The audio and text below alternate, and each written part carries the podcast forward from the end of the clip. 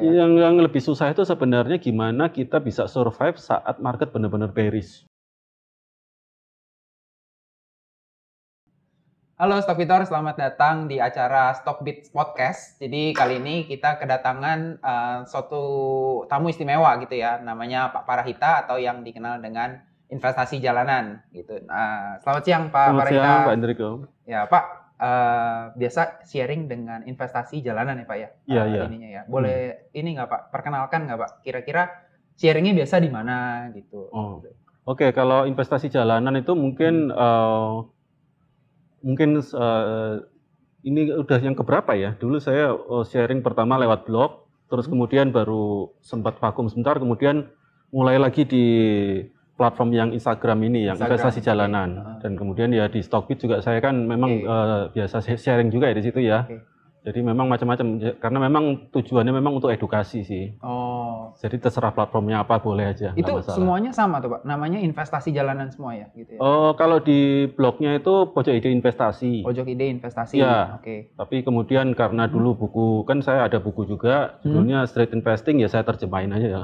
Oh, jadi jalanan. dari street investing di Indonesiain jadi investasi Ya, jalanan. itu aja gitu ya? sih, sederhana. Oke. Oke, nah ini teman-teman buat yang suka baca-baca nih ya eh, dari Instagram atau dari Stockbit gitu ya tentang investasi jalanan. Nah ini dia nih Pak Parahita, Hmm. orang di balik eh, ininya ya sosial medianya ya di balik layarnya ini ada Pak Parahita nih. Iya, iya. Oke Pak, eh, kan ada peribahasa ya Pak ya katanya kalau nggak kenal maka nggak sayang. gitu, kalau eh, boleh nggak sih Pak cerita dulu gitu Pak tentang Hmm. Bapak eh, mungkin eh, backgroundnya apa, kemudian eh, gimana caranya bisa kenal investasi saham, awalnya Hmm. gimana gitu boleh Pak?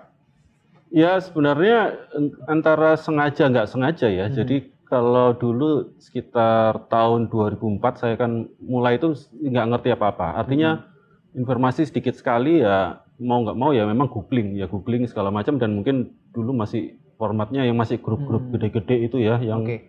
Di Yahoo Groups gitu ya. Hmm, hmm, hmm. Nah itu ya seperti mailing list ya di situ mulai kenal saham gitu ya. Habis saya baca-baca memang di Indonesia ada nggak sih? Oh ada ternyata ini. Tapi masih dikit sekali ya. Oh, Artinya.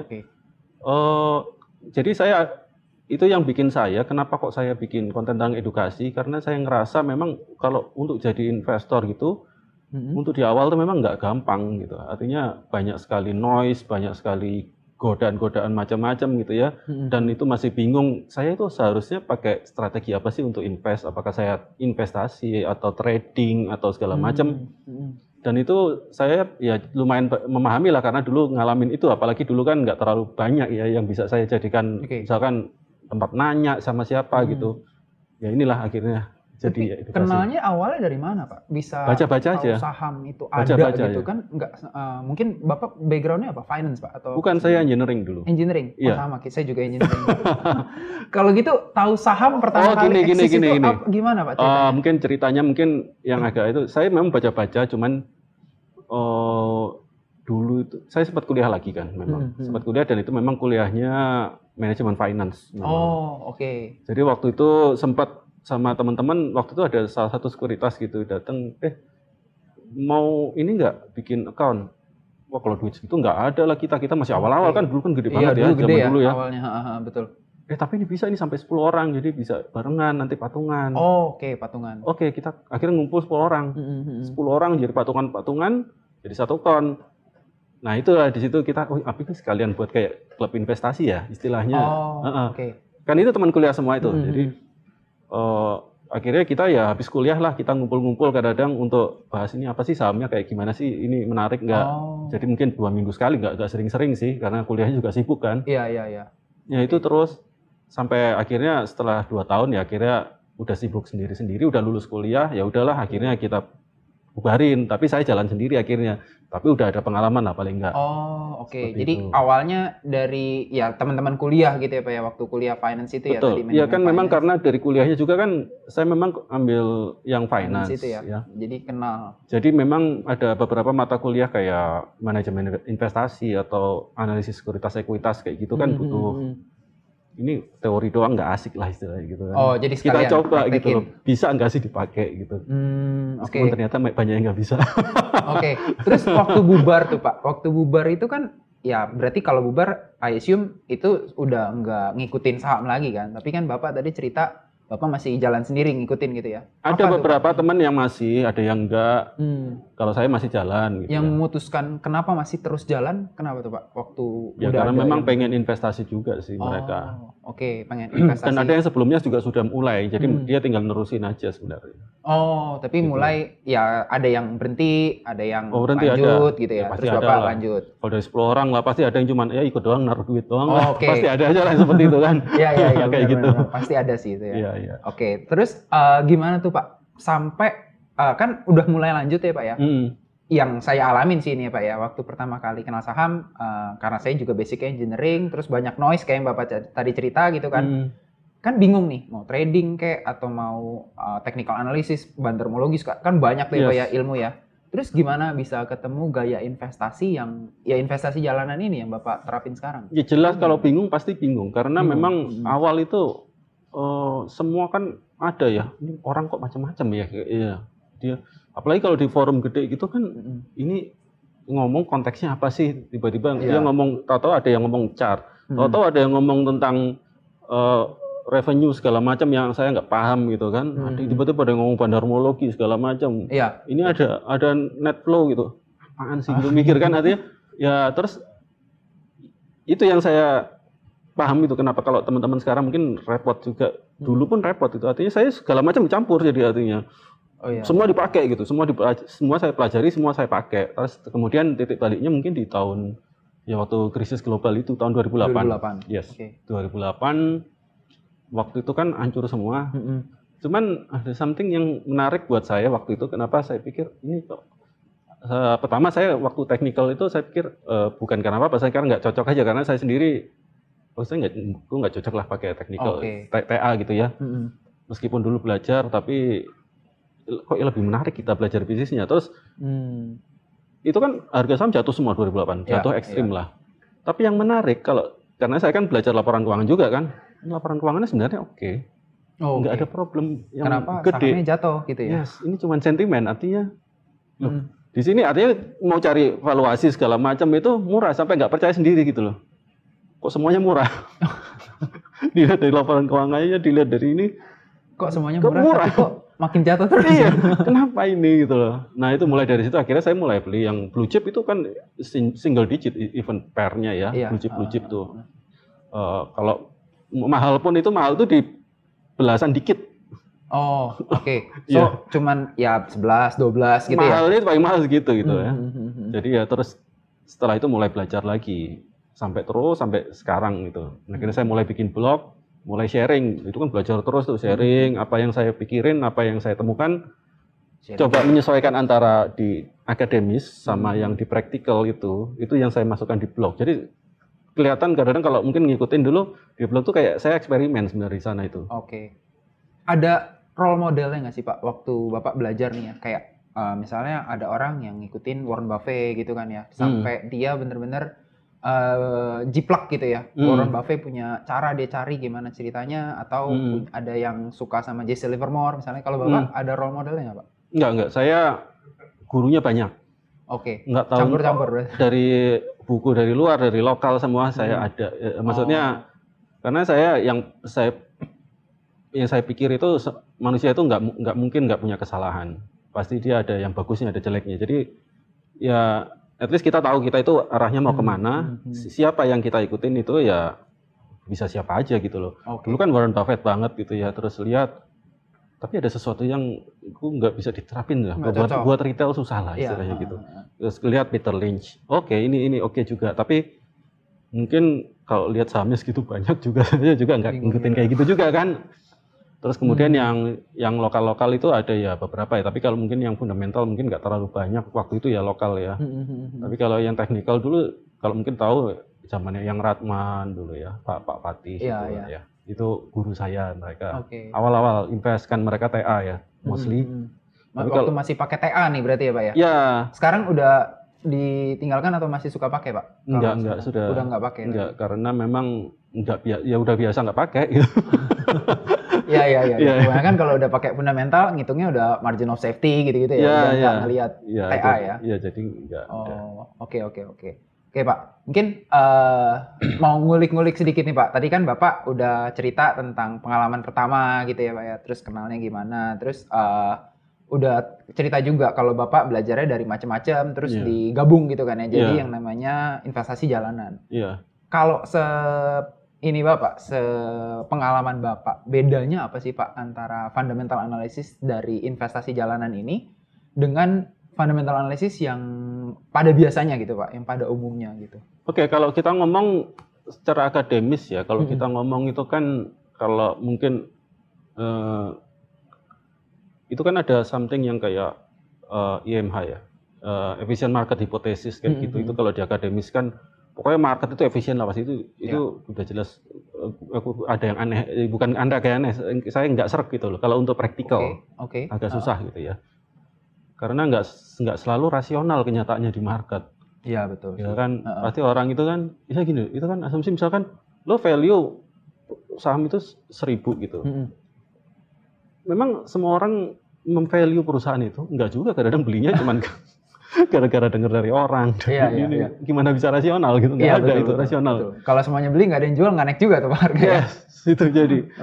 Ya, jadi memang kalau dari fundamental tuh yang menariknya karena memang apa ya?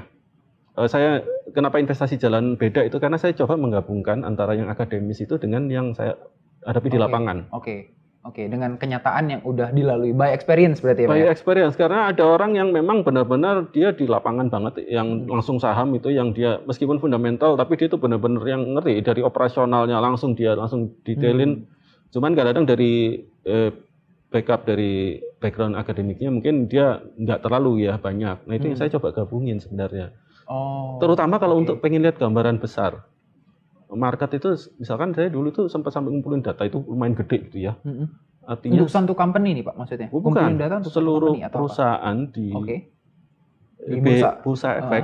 Misalkan saya pengen lihat, lu kalau di rata-rata DER-nya itu berapa sih seluruh Oh, perusahaan? bursa. Sa- seluruh ROI-nya ya. berapa sih gitu? Oke. Ya itu kalau Oh. orang di praktikal mungkin nggak akan melakukan seperti itu, cuman karena saya saking isengnya saya melakukan itu meskipun jarang saya itu saya itu. Saya pernah nulis hal itu tapi jadi saya tahu misalkan ini kira-kira loh ini kenapa tiba-tiba DER-nya secara overall agregat itu naik semua gitu ya. Hmm. Ya waktu itu kan yang paling kelihatan waktu tahun 2012 atau 2013. Oke. Jadi after krisis global Hmm. itu kan ada QE dana kan masuk Iya. itu banyak tuh deras Betul. banget ke Indonesia. Ah, ah, ah.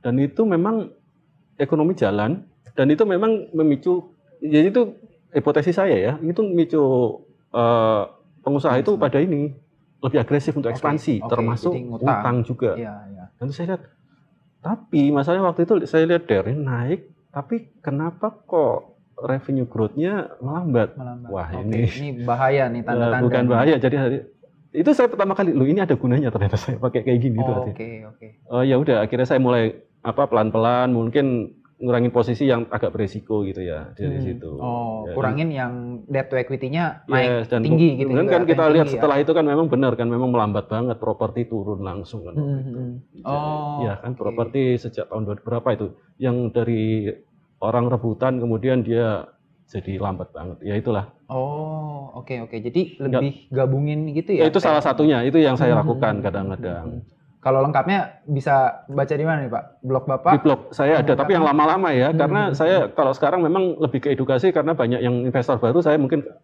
ke teman-teman yang masih baru masuk. Hmm, Kalau dulu itu mungkin segala macam apa yang ada di pikiran saya, saya langsung Oke, oke. masukin situ. Oke, oke, oke. Ada oke. itu di blog. Nah, itu di Stockbit juga bisa baca-baca ya, Pak ya?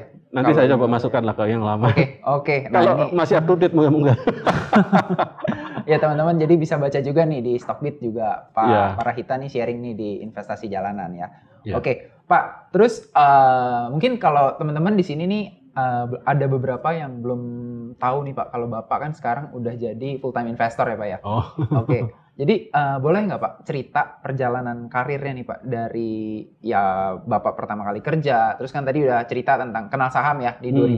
2004 gitu. iya. Terus sepanjang 18 tahun ya Pak ya, berarti sampai tahun ini terus memutuskan untuk eh, jadi full time investor di tahun berapa, terus eh, kenapa Pak bisa yakin nih gitu kan? Karena banyak orang yang nggak yakin gitu ya, walaupun udah punya cash flow kayaknya wah kayaknya harus tetap kerja nih supaya cash flow-nya tetap ada nih. Kenapa Bapak bisa bisa firm, yakin gitu Pak kalau Bapak itu itu itu selalu memang selalu kepikiran jujur aja jadi memang karena memang saya dari awal itu ya kerja terus gitu ya Hmm. artinya tapi setelah lama-lama mikir eh sebenarnya kalau kita kalau memang gaya hidup itu kita sendiri yang nentukan gitu artinya Oke. ah, Ya. ah, ah.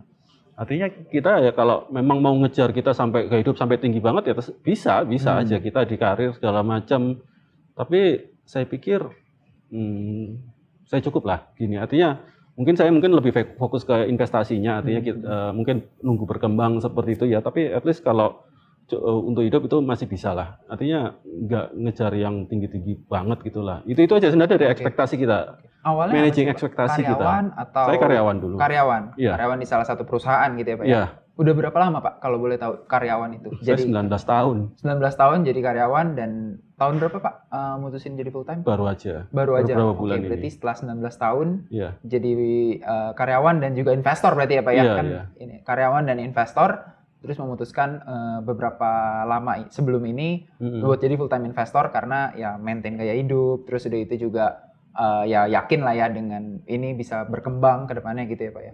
Sebenarnya saya bukan ke fokusnya ke bukan ke full time investornya kalau saya Hmm. sih, karena saya memang ada tujuan lain karena memang saya kan kayak bikin investasi jalanan itu, Hmm. itu saya pengen itu jadi buat benar-benar saya fokus untuk edukasi di situ Oh, artinya. Oke, untuk membantu edukasi juga berarti ya. Ya a- artinya Aha. pikiran yang dulu dari kerjaan saya coba alihkan ke sana pelan-pelan, investasi berubah ke situ. Hmm, Oke. Itu kan Oke. kan beda ya kalau karyawan kita ya kalau paling enak sih 9 to 5 ya tapi ya at least gitu-segitulah mungkin sampai malam tapi justru kan kalau di kita ngelola seperti itu tuh kan jam kerjanya malah nggak ada Ya bisa bisa subuh. bisa panjang sekali saya Bisa itu nggak ada. bahkan lucu gitu kadang-kadang ya ini namanya saya mungkin ya orang tua ya jadi buka eh, nganterin anak sekolah gitu kadang-kadang Hmm. saya jam setengah 8 udah eh jam 7 itu harus nganterin anak sekolah jadi itu kadang-kadang saya bangun jam 5 setengah 5 itu cuman buat bikin konten aja Oh, oke oke oke. sampai nungguin Begadang sekolah. pernah dong ya Pak? Ya begadang karena pengen. Beda sama dulu. Kalau Iya, dulu iya. begadang Harus. karena harus karena ada Iya, kerjaan. Kalau sekarang Begadang karena pengen. kayak enak kerjain aja. gitu. Lagi seru aja ya, Beda beda beda rasanya memang. oke, Dan oke, itu memang yang Oh, ini- saya cari terus terang. Oh, oke oke oke. Hmm. Supaya lebih fokus. Iya. Lagi juga ada investasi yang terus berkembang juga. Iya, iya. Oke oke Pak.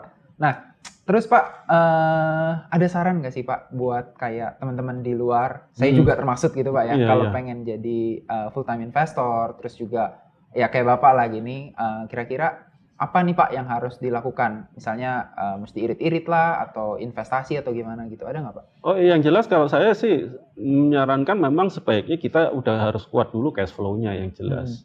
Dan pasti ya memang harus ngumpulin modal pelan-pelan. Ya itu memang tidak mudah saya tahu karena saya memang mulai investasi saham itu dari yang sangat kecil terus terang aja. Oke. saya tahu susahnya itu ngumpulin apalagi nanti ketika baru berkeluarga pasti pengeluaran gede itu itu itu wajar sekali gitu ya Hmm. tapi memang ya kalau mau jalanin ya harus sabar dan jangan maks- memaksakan kalau memang belum waktunya Oke. harus sabar Oke, ini kayaknya jangan eh, terlalu memaksa zaman sekarang banyak juga nih Pak yang apa baru kenal market mungkin 2020 kemarin Nah. terus kebetulan kena bull market ya terus langsung mau jadi full time investor, full time trader gitu ya Pak ya. itu yang saya agak khawatir terus terang karena saya beberapa kali nemukan teman-teman yang mungkin baru masuk gitu ya Hmm. kena bullisnya doang gitu ya itu Hmm. enak banget memang kan itu sampai saya mikir waktu 2008 investor yang baru masuk tahun 2009 itu sampai saya bilang lu kayaknya kok ru- ruwet banget sih invest saham gua aja bisa untung banget iya lu masuk 2009 jadi begitu dia udah mulai masuk yang 2012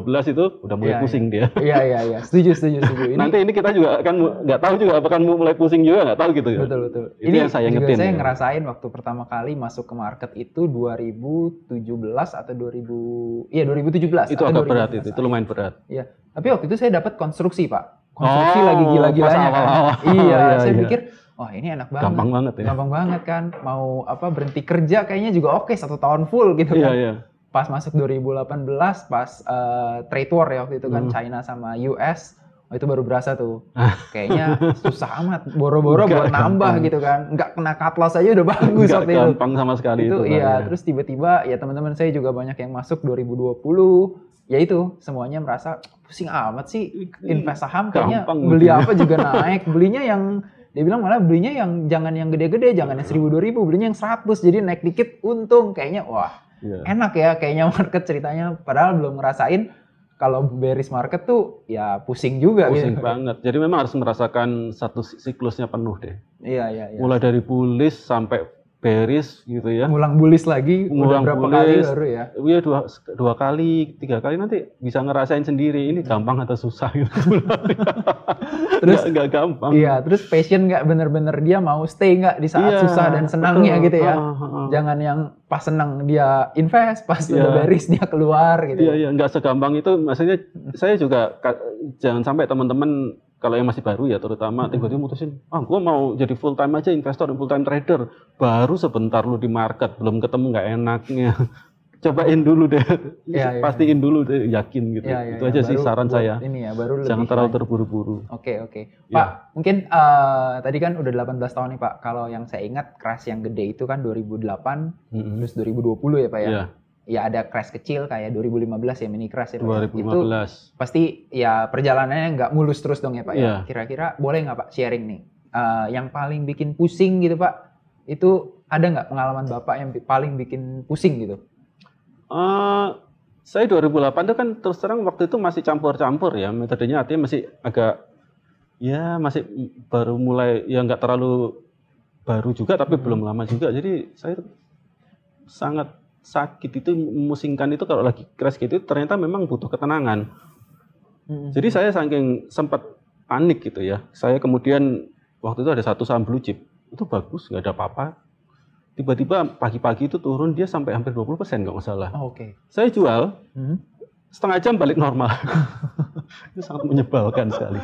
Itu itu pelajaran mahal juga buat saya. Akhirnya jadi itu untung waktu itu masih lumayan nggak terlalu besar lah dananya. Oh. oke. Masih belum segitu. Jadi setelah itu jangan terlalu panik. Market sejelek apa pun, lagi crash apa pun, jangan ambil keputusan pada saat itu pokoknya. Oke, harus berpikir jernih ya. Yes. Nah, ya kalau saya bayangin turun 20% jual tahunnya naik. Balik lagi itu Enak juga sih ya. enak juga ya. Saya pernah tapi nggak nyampe 20 sih, Pak. Saya pernah waktu itu minus 10%. Waktu Oh, ini iya, masih sebelum 2020. 10% aja udah Nggak enak. enak banget, Apalagi kan? 20% ya. Iya itu, Oke. aduh nggak enak banget itu. Kalau pengalaman enaknya nih, Pak, yang paling membahagiakan gitu, Pak, selama perjalanan di bursa, ada nggak, Pak? Oh ya, maksud saya kan kalau kita kan setelah mulai invest, saya kan kita lama-lama saya kebiasaan jarang lihat market gitu ya, hati market. Pernah itu saya saking sibuknya kerja gitu ya. Mhm. Itu beberapa bulan ya saya benar-benar nggak lihat. Terus uh, kok jadi tinggi banget. Kaget juga gitu loh. Iya, oh, iya, gini. Wah, berarti memang jangan di- dilihat-lihat Jangan terus ya, jangan ya, kalau- terus gitu ya Hmm. maksudnya. Ya untung aja itu waktu itu nggak ada masalah dia di bisnisnya gitu Iya, ya. iya, Kalau iya. ada masalah ya itu juga pusing. Pusing juga. Tapi yang Ya, pasti untungnya waktu waktu itu beli nggak ada masalah. berarti udah dianalisa, udah oke. Terus pas beli nggak usah banyak lihat, ternyata udah berapa bulan numbuh gitu. itu ya, yang Pak? kejadian 2020 ya kalau yang mirip-mirip ya. Heeh. 2020 itu saya waktu awal pandemi itu saya sebenarnya udah feeling ini nggak enak nih kayaknya. Oh. Tapi waktu itu belum jatuh. Iya, masih iya. bulan Februari. Iya, kita agak terlambat soalnya Feeling dibanding agak nggak enak ya. ini. Heeh. Tapi ya sudahlah biarin waktu lagi-lagi karena sibuk kerjaan juga saya nggak sempat mikir gitu kan. Mhm. Terus kemudian benar ya Maret ah, jatuh ah, ambrol Iya. terus terus banyak. Tapi untungnya karena ya sudah lama ngalamin seperti itu ya akhirnya udah nggak usah dipikirin lah yang lain. Hmm. Jadi baru lihat lagi sekitar kalau nggak salah bulan September, loh udah oke lagi. Oh, gitu maksudnya. oke, oke, Itu oke. bedanya. Jadi. Iya, iya, iya, iya. Itu luar Itu- biasa itu menyenangkan ya. Gitu. bulan itu kan naiknya kenceng ya 2020 itu. Ya coba bayangin kita selama kurun waktu tersebut ngeliatin terus tiap hari aku nggak pusing Iya, gitu iya. ya. Selama bulan Maret April Betul, itu. betul, betul. Iya, iya, iya. Maret, April, ah, saya ngalamin Pak karena Iya. kerja di sekuritas juga Ah, ya. iya, kita pasti harus ngeliatin market. Ngerasain kan Iya, itu pusing ya. sakitnya kalau Pusing, betul, posisi betul, itu. betul. ya. Tapi kalau dilihat ya dari Maret sampai September perjalanannya ternyata ya emang happy ending ya, naik Iya. terus. Kebetulan sih. Oke, oke. Iya, iya. saya iya. nggak nyangka secepat itu juga terus terang. Oke oke Pak, eh, pernah nggak sih Pak ngitung kira-kira kalau investasi di pengalaman Bapak nih Pak ya pengalaman Bapak dengan metode investasi Bapak yang sekarang itu kira-kira bisa berapa sih Pak kurang Hmm. lebih gitu ya buat mungkin kalau teman-teman mau tahu nih kalau misalnya oh harus punya cash flow sekian nih ya berarti saya Oh. harus invest gini gitu berarti kan ada tuh Pak kira-kira return per tahunnya berapa gitu ada nggak sih Pak? Kalau kalau gitu? itu yang saya sering ketemu yang kalau teman-teman yang kalau yang Hmm. berharap yang kayak baker segala macam itu ya kalau saya selama ini di market ya yang paling bisa saya harapkan paling setahun tuh 25 persen, 20, 25 persen, eh it's good already sebenarnya Pak ya. Good. very good. 25%. Sudah di atas inflasi, Tuh. sudah di atas pertumbuhan ekonomi, Iya, sudah di atas, market, semuanya, Pak. ya kan artinya. Obligasi. Tuh, eh, tapi kalau emas sekarang kan nggak ya. nggak mau banyak kayak kayak gitu ya, cuman segitu doang ngapain di saham gitu kan, Iya, kadang betul. kayak gitu. Padahal it's okay. Tapi itu long term loh. Saya itu ya, itu 18 tahun itu. Saya annually gitu. 18 tahun 25% sebenarnya it's good sih, Pak. Iya. Very good bahkan ya kalau boleh dibilang. Karena itu udah 25%. ngalamin Iya. turun naik itu. Iya iya betul betul. Iya, itu- itu. Dengan ya dengan segala naik turunnya market ya 25% sebenarnya bagus sih buat uh, investor gitu ya. Iya. Ini mungkin juga jadi uh, pembelajaran buat teman-teman nih Pak ya. Kalau Iya. seandainya investasi saham itu kita bukannya cuman ngincer return maksimal gitu ya Pak ya, yang Hmm. beggar terus gitu ya. Tapi Hmm. ya kita ngincer return yang optimum dengan gaya yang sesuai gitu ya sama kita ya Pak ya. Yang yang lebih susah itu sebenarnya gimana kita bisa survive saat market benar-benar bearish. Hmm, hmm, hmm. Itu yang iya, lebih betul, penting. Itu yang penting. Karena sekali kita udah wipe out, sudah selesai kan? Mhm. Habis modal kita artinya. Betul. Itu gimana caranya bisa survive itu mesti dipikirin dulu di awal sebelum mikir untungnya kalau saya. Oke. Setelah setelah ngalamin sekian panjang ini ya, gitu. kalau based on experience Bapak ketika market bearish gitu ya, uh, crash misalnya, itu apa yang Bapak lakukan? Apakah Bapak cash out sebagian atau cash out semuanya atau Bapak kalau kayak 2020 kan Bapak merasa udah agak ngenak nih gitu kan. Mm. Itu ada cash out sebagian atau cash out semua atau malah waktu down itu nambah lagi atau gimana Pak biasanya? Uh, Bapak? saya biasa punya dry powder, jadi memang biasain punya cash itu antara 15 sampai 20 persen lah buat backup gitu ya. Hmm, Tapi kadang-kadang memang ada, kayak kan sahamnya itu kan macam-macam. Ada yang saham yang benar-benar saya kalau orang bilang wonderful bisnis hmm, gitu hmm, ya. hmm. Dia itu artinya meskipun mau bearish, mau bullish, seharusnya dia nggak terlalu kena impact. Oke. Tapi memang dia nggak akan spektakuler yang bisa naik tinggi banget. Saya oke. mostly perusahaan seperti itu yang di dalam Yang portofolio. core stocknya itu ya berarti ya? Yes, yes, mungkin ya kayak call stock. Tapi ada juga beberapa persen yang saya sisihin mungkin kayak turnaround, cyclical, cyclical. saya kasih di situ kan Oke, porsinya oke. itu yang mungkin saya nggak berharap saya megang bisa lama banget lah karena kalau turnaround begitu dia udah bener Oke. turnaround ya biasanya saya lepas gitu. Oke. Udah Alpha seekingnya di situ. ya? Biasa pegang berapa Pak kalau eh, apa satu portofolio biasanya? saya Berapa saham gitu diversifikasinya? bisa sampai 10 sih maksimum. 10 maksimum. Iya. Oh, berarti ketika ada yang turnaround yang udah berhasil bener-bener turnaround, jual baru ganti lagi Ya, gitu tapi ya. kadang-kadang ada juga yang bisa sampai lebih dari 10 tapi biasanya saya cuma buat kayak apa ya? Buat mantau aja, saya beli Oh. dikit-dikit. Oh, titip sendal lah ya kalau Kita anak pesen sekarang jadi bahasanya. pengen lihat aja sih dia kayak gimana sih biar nggak biar nggak lupa gitu loh. Kalau Iya, iya. kita Kalau kita ngeliatin ini iya gitu ada ya. yang menarik sebenarnya, tapi Hmm. belum jelas gitu. Oke, oke, oke. Tapi biasa nggak jauh-jauh dari angka 10 ya secara Iya, average iya. uh, holdingnya ya. Ya, jadi kalau Oke. banyak orang yang mungkin cuma dikit ya, Ivan saya sempat kasih nanya-nanya teman-teman ada yang rata under 5 gitu ya. Oke. Iya, oke, tapi saya nggak seberani itu. Oh, Karena saya sudah mengalami market yang benar-benar hancur itu, nggak berani saya sedikit itu. Oke. Itu kayak ada trauma juga sih seperti itu. Oke oke oke Iya. dari psikologisnya Psikologis, juga ya iya, berarti ya. mungkin. Oke oke oke. Iya. Oke Pak, oh ini eh, ngobrolnya lumayan ternyata udah lumayan lama nih Pak. Oh gitu ya. Nggak Thank you kerasa Pak ya. udah sharing-sharing nih Pak. Iya, iya. Mungkin eh, saya pengen nanya tips Pak buat teman-teman nih di luar sana yang pengen jadi investor nih ya. Mm. Terus eh, ya eh, supaya bisa kayak Bapak gitu nih ya. Apa Pak? Ada nggak Pak eh, tipsnya buat mereka? Yang pertama, ya saya juga investor retail masih, jadi bukan jangan kayak saya lah. Jadilah diri sendiri ya. Oke. Oke Pak. Artinya eh, coba cari strategi eh, filosofi investasi yang paling cocok buat diri sendiri. Mhm. Setiap orang beda-beda. Saya nggak terlalu fanatik ya fundamental harus karena saya memang suka fundamental. Tapi kalau memang trading atau apa yang yang lain terserah. Tapi yang pasti jadilah yang paham banget di situ, yang expert di situ. Hmm, hmm, hmm, hmm. Ada Tahu diri, mengenal diri sendiri itu yang paling Oke, penting. itu yang paling penting lah ya, Iya. supaya bisa survive di market gitu ya. survive. Apalagi ya stabil eh, apa penghasilan punya penghasilan stabil di Iya. market gitu ya. Iya. Oke oke Pak. Wah, eh, thank you nih Pak Iya. buat sharing-sharing Sama-sama Pak Riko. ini. Nah, itu dia teman-teman. Tadi eh, kita udah ngobrol nih sama Pak Parahita eh, dari ini ya investasi jalanan, account sharingnya. Teman-teman bisa follow juga di Instagram, di Stockbit, terus juga di ada blognya juga gitu ya. Nah teman-teman silahkan di follow. eh, terus kalau mau ngobrol-ngobrol boleh Pak di DM boleh, gitu ya. boleh, boleh. Boleh, silakan, ya? silakan. Silahkan ya, ya, itu dia. Silahkan teman-teman semua. Oke, thank you teman-teman buat yang udah nonton. Thank you juga buat uh, Pak Parahita yang udah Ya, nyempetin Pak Riko, waktunya. terima kasih, sama-sama. Gitu. Oke, Eh, sampai di sini dulu teman-teman. Kita ketemu lagi di podcast selanjutnya ya. See you teman-teman. Oke, see you.